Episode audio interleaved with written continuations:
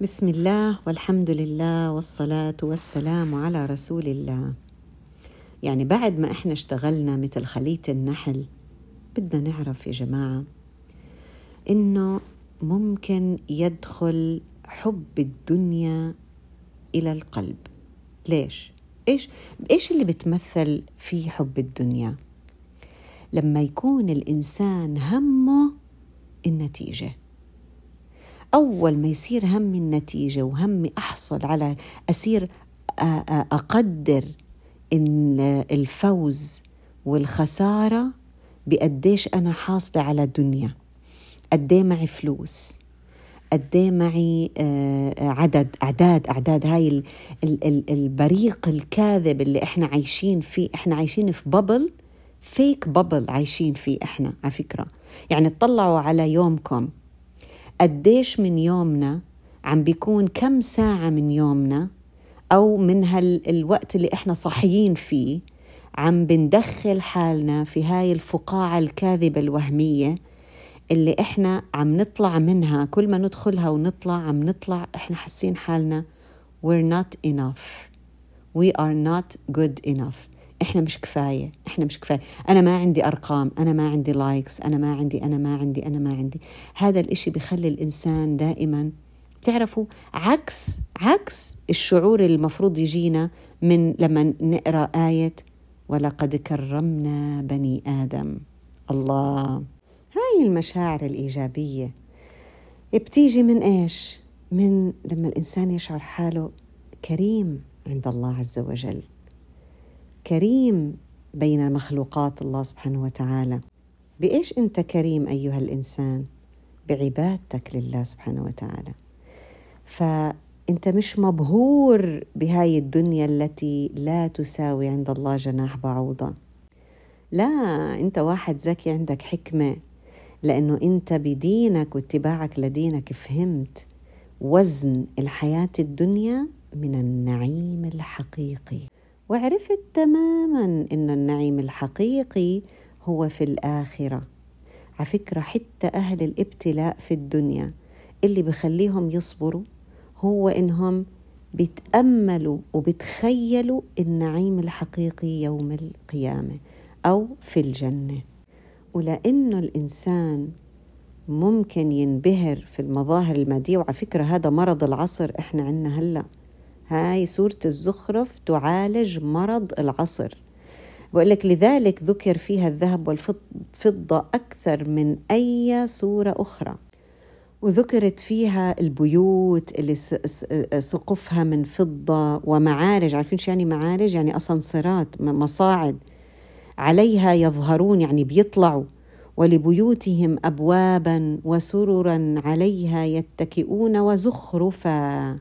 وإن كل ذلك لما متاع الحياة الدنيا والآخرة عند ربك للمتقين. سبحان الله. ما نفكر ولا ننخدع. ونفكر إنه لما ربنا يعطي الدنيا للناس معناته ربنا راضي عليهم. ربنا مقياسه يختلف عن مقياس البشر. إحنا بيننا وبين بعض البشر إذا أنا بحبك بقوم بجيب لك هدية مادية إذا أنا بحب ابني بقوم بعطيه فلوس إذا أنا مثلا بدي آه، زوجي يعبر لي عن حبه لازم يروح يجيب لي شغلة يشتري لي إياها. عند رب العالمين الموضوع مو هيك. عند رب العالمين كل الدنيا هاي ما بتسوى عند الله سبحانه وتعالى ولا شيء. ليش يعطيكي منها؟ بالعكس بيعطيكي من اللي بسوى من التقيل. لذلك لازم نحط نظاراتنا مزبوط عشان نقدر نشوف الصورة الحقيقية. يعني هو في زخرف حقيقي؟ نعم بالجنة. ادخلوا الجنة أنتم وأزواجكم تحبرون. يطاف عليهم هون الذهب بصحاف من ذهب وأكواب وفيها ما تشتهيه الأنفس وتلذ الأعين. وأنتم فيها خالدون. كأنه المعنى لا تنبهروا يا مؤمنين بزينة الدنيا وما تنخدعوا بمتاعها. ليه؟ لأنه متاع الآخرة اللي أعده الله للمتقين أهم وأعظم. طيب إحنا قلنا إنه إحنا في هلأ في العصر هذا آه، إحنا يعني منخدعين بالماديات. سبحان الله داخلين منبهرين فيها. كيف؟ على فكرة هذا كلام كله آلته سورة الزخرف. شوفوا كيف وقالوا لولا نزل هذا القرآن على رجل من القريتين عظيم إيش معنى هالحكي؟ يعني إحنا والله لو كان هذا الشخص اللي قاعد بيحكي لنا أو اللي إحنا عم نتعلم منه واحد معروف مشهور دكتور آه، ما عنده مثلا followers آه، آه، عنده مش عارفة يبقى هذا إيش؟ أنا هذا هو الشخص اللي أنا بدي أسمعه بس غالباً الشخص اللي بيكون غني. إحنا هيك بنحس إنه من أشراف القوم. لما يكون حدا غني ومن علية القوم إذا بيجي بيحكي مثلا آه كلمتين فيهم حكمة بنقول wow مع إنه والله هداك الفقير. هداك الفقير والله الكلمتين اللي حكاهم إنه بتسوى يعني ذهب. لكن لا لأنه هذا واحد غني هو اللي حكى الكلمتين فبتصير share share share. ليش؟ لأنه فلان اللعيب الفلاني حكى مش عارفة إيش هكذا. هي أول إشي. ثاني إشي بنحس كأنه الدين بس للناس اللي هم مش برستيج يعني هيك. يعني كأنه إذا أنا بدي أدخل على الدين معناته أنا آه، بس بصير أتعامل مع الناس اللي مش كلاسي يعني خلينا نقول أوكي؟ أو إني أنا لازم أتخلى عن يعني منظري الاجتماعي ومنزلتي الاجتماعية إذا أنا بدي أدخل في موضوع التدين. لذلك منحس إنه لا لا لا خلي التدين في قلبي بلاش يبين قدام الناس بعدين شو يقولوا عني متدينة؟ يعني خلص آه، خليه بقلبي وهذا ديني بيني وبين ربي. ليه؟ لأنه منحس كأنه زخرف الدنيا حاجز بيننا وبين التدين. ومنحس كأنه لو أنا تدينت معناته أنا لازم إيش؟ أتخلى عن كل هذه الدنيا وزخرفها. وهذا كلام مش صحيح طبعا هذا كلام مش صحيح. طيب في كمان آه، نوعية أخرى ذكرتها سورة الشورى اللي هي فرعون. لما قال لموسى عليه السلام قال فلولا ألقي عليه أسورة من ذهب أو جاء معه الملائكة مقترنين. يعني عشان تثبت لي يا متدين إنك أنت صح يا أخي ليش أنت فقير؟ يا ليش ما تنزل عليك أسوارة من ذهب؟ خلي الله يعطيك الكنوز. لو أنت فعلا أنت فعلا جاي من عند رب الكون ما يخليك غني. ليش خلاك فقير؟ وطبعا هذا الكلام إيش؟ نتذكر قول الرسول صلى الله عليه وسلم إنه هو اختار أن يكون عبد لله ولم يختار أن يكون ملك. ليه؟ لأنه بده الناس لما تتبعه ما تتبعه علشان فلوسه يا جماعة. شوفوا شوفوا حكمة الرسول صلى الله عليه وسلم. ولكن الناس تتبعه لما معه من الوحي. يتبعوه بقوة. طب يعني إيش حسم الخلاف؟ يعني هلأ المتدين بنفع يكون في عنده الدنيا ولا لا؟ ولا هاي ما إلها خص في هاي. يعني يعني ممكن يكون هيك وممكن يكون هيك. ممكن يكون فقير وممكن يكون غني. ما في ابدا ما هاي ما يعني مش ابدا مؤشر. لكن الصورة هنا بتحذر المسلمين إنهم يتعلقوا بالمظاهر المادية أو يعتبروها لو الله أعطاهم المادة معناته ربنا راضي عليهم. هون ما تخلفت أمتنا إلا لما صار عندها خلل بهذا المبدأ. عشان هيك صرنا نشوف الناس اللي ربنا أعطاهم الدنيا ونقول إيش؟ آه نشك في حالنا. نقول أكيد إحنا غلط. لأنه هاي ربنا معطيهم. بيعصوا الله وبيعطيهم. طبعا بيعصوا الله وبيعطيهم لأنه أصلا الدنيا لا تسوى عند الله. أي شيء. لما الإنسان تكون الدنيا بإيده يعني بيقدر يطلعها ويصرفها. شفنا إحنا كيف كيف كانوا الصحابة يتنافسوا في إخراج الحياة الدنيا من قلوبهم. في الإنفاق هذا هو الإنسان اللي عنده حكمة.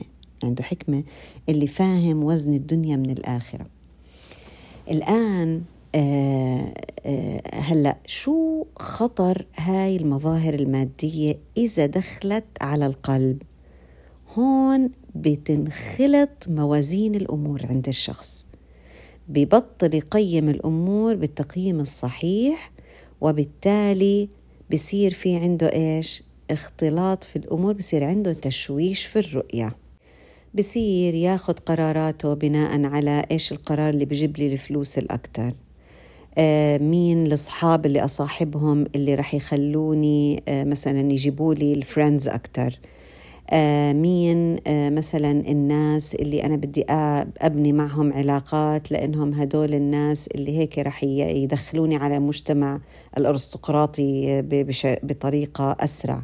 وهكذا. بتصير تتخربط الأمور وبصير سبحان الله الإنسان يتحول من عبد لله إلى عبد لهذه الدنيا وعبد لأهوائه والعياذ بالله. بده ينتبه الإنسان. إحنا معيارنا ومرجعيتنا واحدة واضحة جدا جدا. لذلك الانبهار بهاي المظاهر ممكن يضيع المسؤولية والرسالة من أمة الإسلام. ليش؟ لأنه رح ينضحك علينا بسهولة. وهون بيجي المقصد الثاني لسورة الزخرف والزاوية الثانية اللي ننظر آه، من خلال سورة الزخرف اللي هي ما أنا علشان ما أنبهر في هالمظاهر الدنيوية لازم أكون عبد لله. بيجي المقصد الثاني اللي هو الدعوة إلى الإيمان والتوحيد. آه العبودية لله. إيش يعني عبودية لله؟ يعني أنا باخذ أوامري ونواهي وأرجو رضا رب العالمين. هذا هو اللي بهمني أنا. لذلك رجعت موضوعات السورة بتأكد على إنه القرآن القرآن يا جماعة والله هاي الحواميم كلها بتدور حوالين القرآن. إيه القرآن كلام الله بلغة العرب.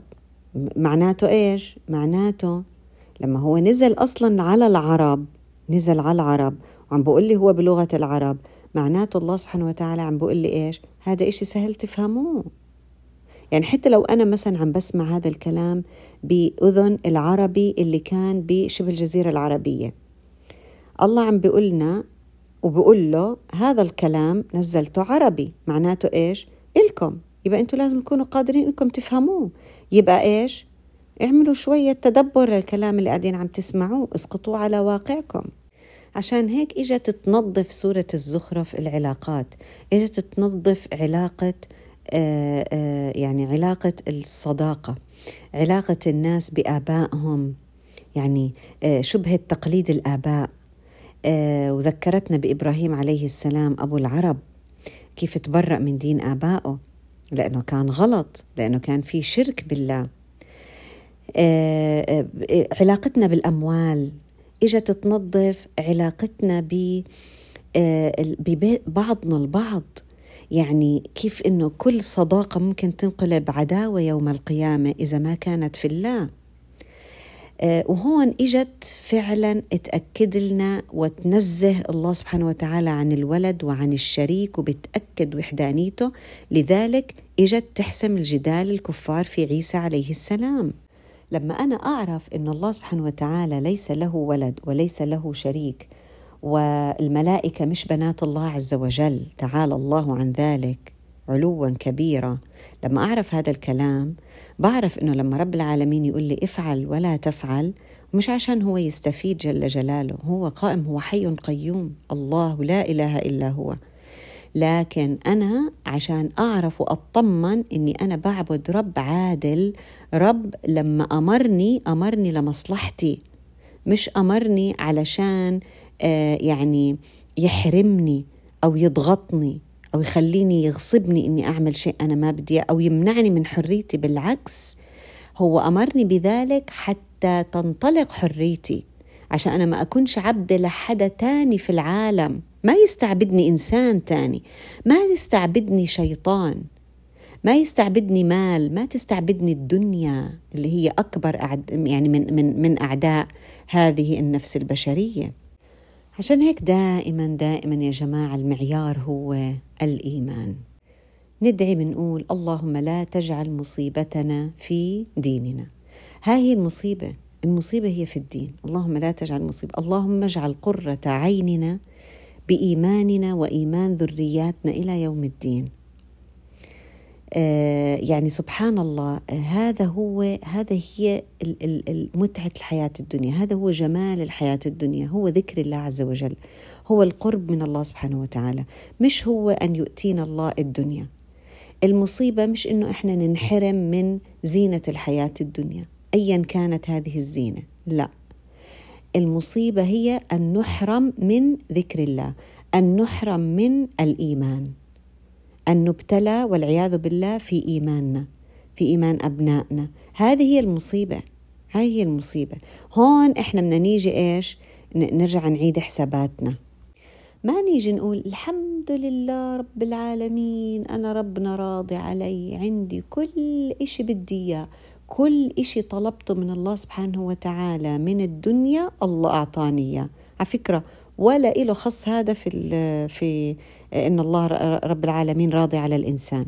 وإن كان وإن كان ممكن يكون إذا كان هذا الإنسان استخدم هذه ال ال الدنيا اللي ربنا أعطاه إياها في طاعة الله ونياله نياله هذا من الناس اللي يحسد يحسد إنسان عنده فلوس وينفقها في سبيل الله ليلا ونهارا. مثل بالضبط اللي عنده قرآن ويقوم به, به يعبد الله عز وجل ليلا ونهارا. الاثنين على فكرة نفس الشيء لكن إيش الحكمة والعبرة يستخدمها في طاعة الله؟ آه هون هون الجمال. هون ساعتها بطلت زخرف بطلت زخرف بالعكس. هاي صارت إيش؟ وسيلة لكسب الآخرة.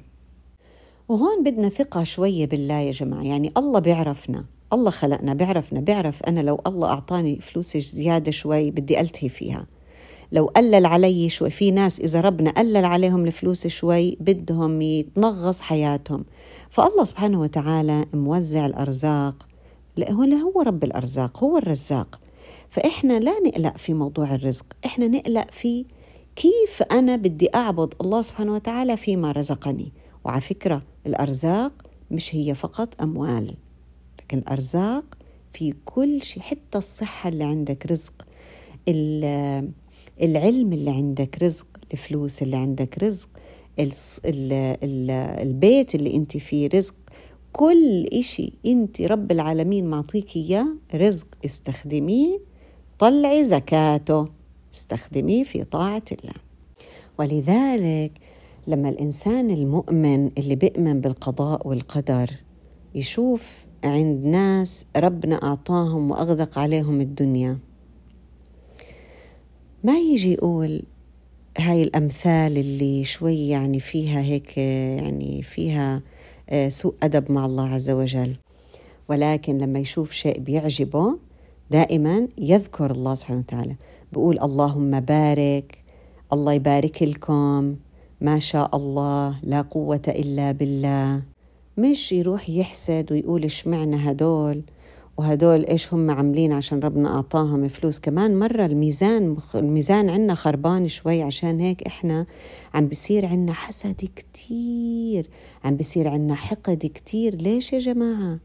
لأنه مش واثقين بعطاء الله عز وجل مش واثقين إن الله سبحانه وتعالى يوزع أرزاقه على من يشاء من عباده. هذا مش من اختصاصنا. إحنا لما تجيك الرزقة بتتصرفي فيها بما يرضي الله عز وجل. أما نقعد إحنا نعترض أو نحسد ليش هلأ هلأ قد إيه قد إيه كترانه شغلة عين وحسد والعين موجودة والحسد موجود وهي حق لكن ليش عم بت, بت يعني عم تكتر زيادة عن اللزوم؟ لأنه صرنا بس هذه عم من قا يعني من من من من قدر رضا الله سبحانه وتعالى على الناس إنه عندهم فلوس أو عندهم دنيا ايا كانت الدنيا. وبطلنا نيجي نشوف مثلا نفرح لغيرنا. يعني أوكي مش أنتم بتحبوا الدنيا افرحوا لهم قولوا ما شاء الله قولوا ما شاء الله. لا إحنا بدنا إياهم إيش؟ يخسروا هذه ال ال يخسروا هذا الرزق وحتى لو ما إجانا المهم ما يخسروا ليش يا جماعة؟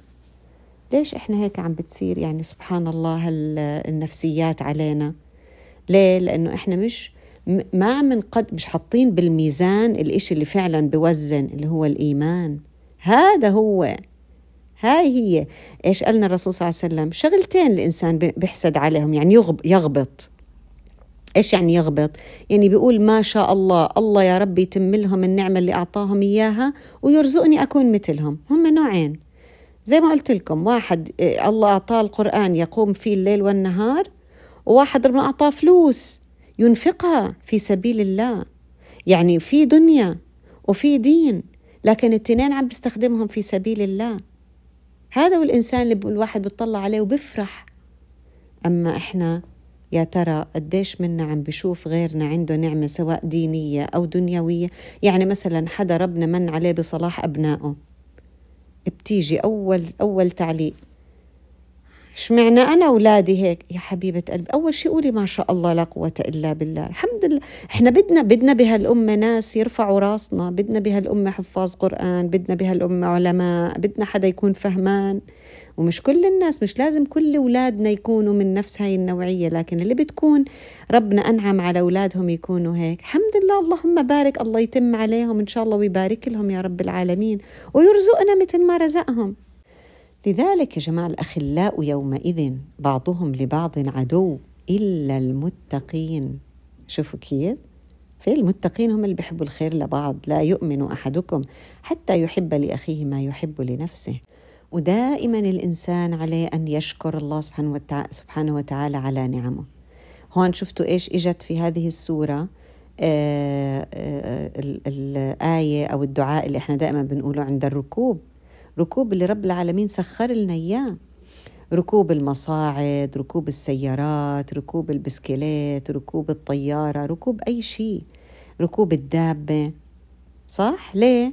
لأنه وبنذكر نفسنا أنه إلى ربنا ولمنقلبون سننقلب إلى الله سبحانه وتعالى بالنهاية. وبنذكر حالنا أنه هاي النعم اللي ربنا أنعم علينا فيها هي من الله سبحانه وتعالى.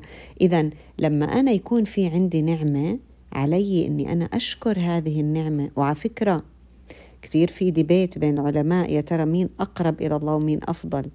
الغني الشاكر ولا الفقير الصابر؟ بس على فكرة الغني الشاكر كثير صعبة. لأنه الغني يذكر حاله إنه هاي النعمة مش بشطارته وهي من الله سبحانه وتعالى. كتير بدها مجهود أكثر من إنه الإنسان يكون فقير وصابر بطبيعة الحال. لكن نحن قسمنا بينهم معيشتهم في الحياة الدنيا.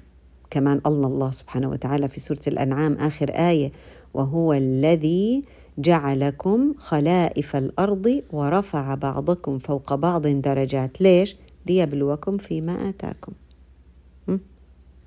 شايفين كيف؟ إن الله سريع العقاب وإنه لغفور رحيم. هون في الآية 32 قال ليتخذ بعضهم بعضا سخريا ورحمة ربك خير مما يجمعون. وسبحان رب السماوات والأرض رب العرش عما يصفون. وسلام على المرسلين والحمد لله رب العالمين.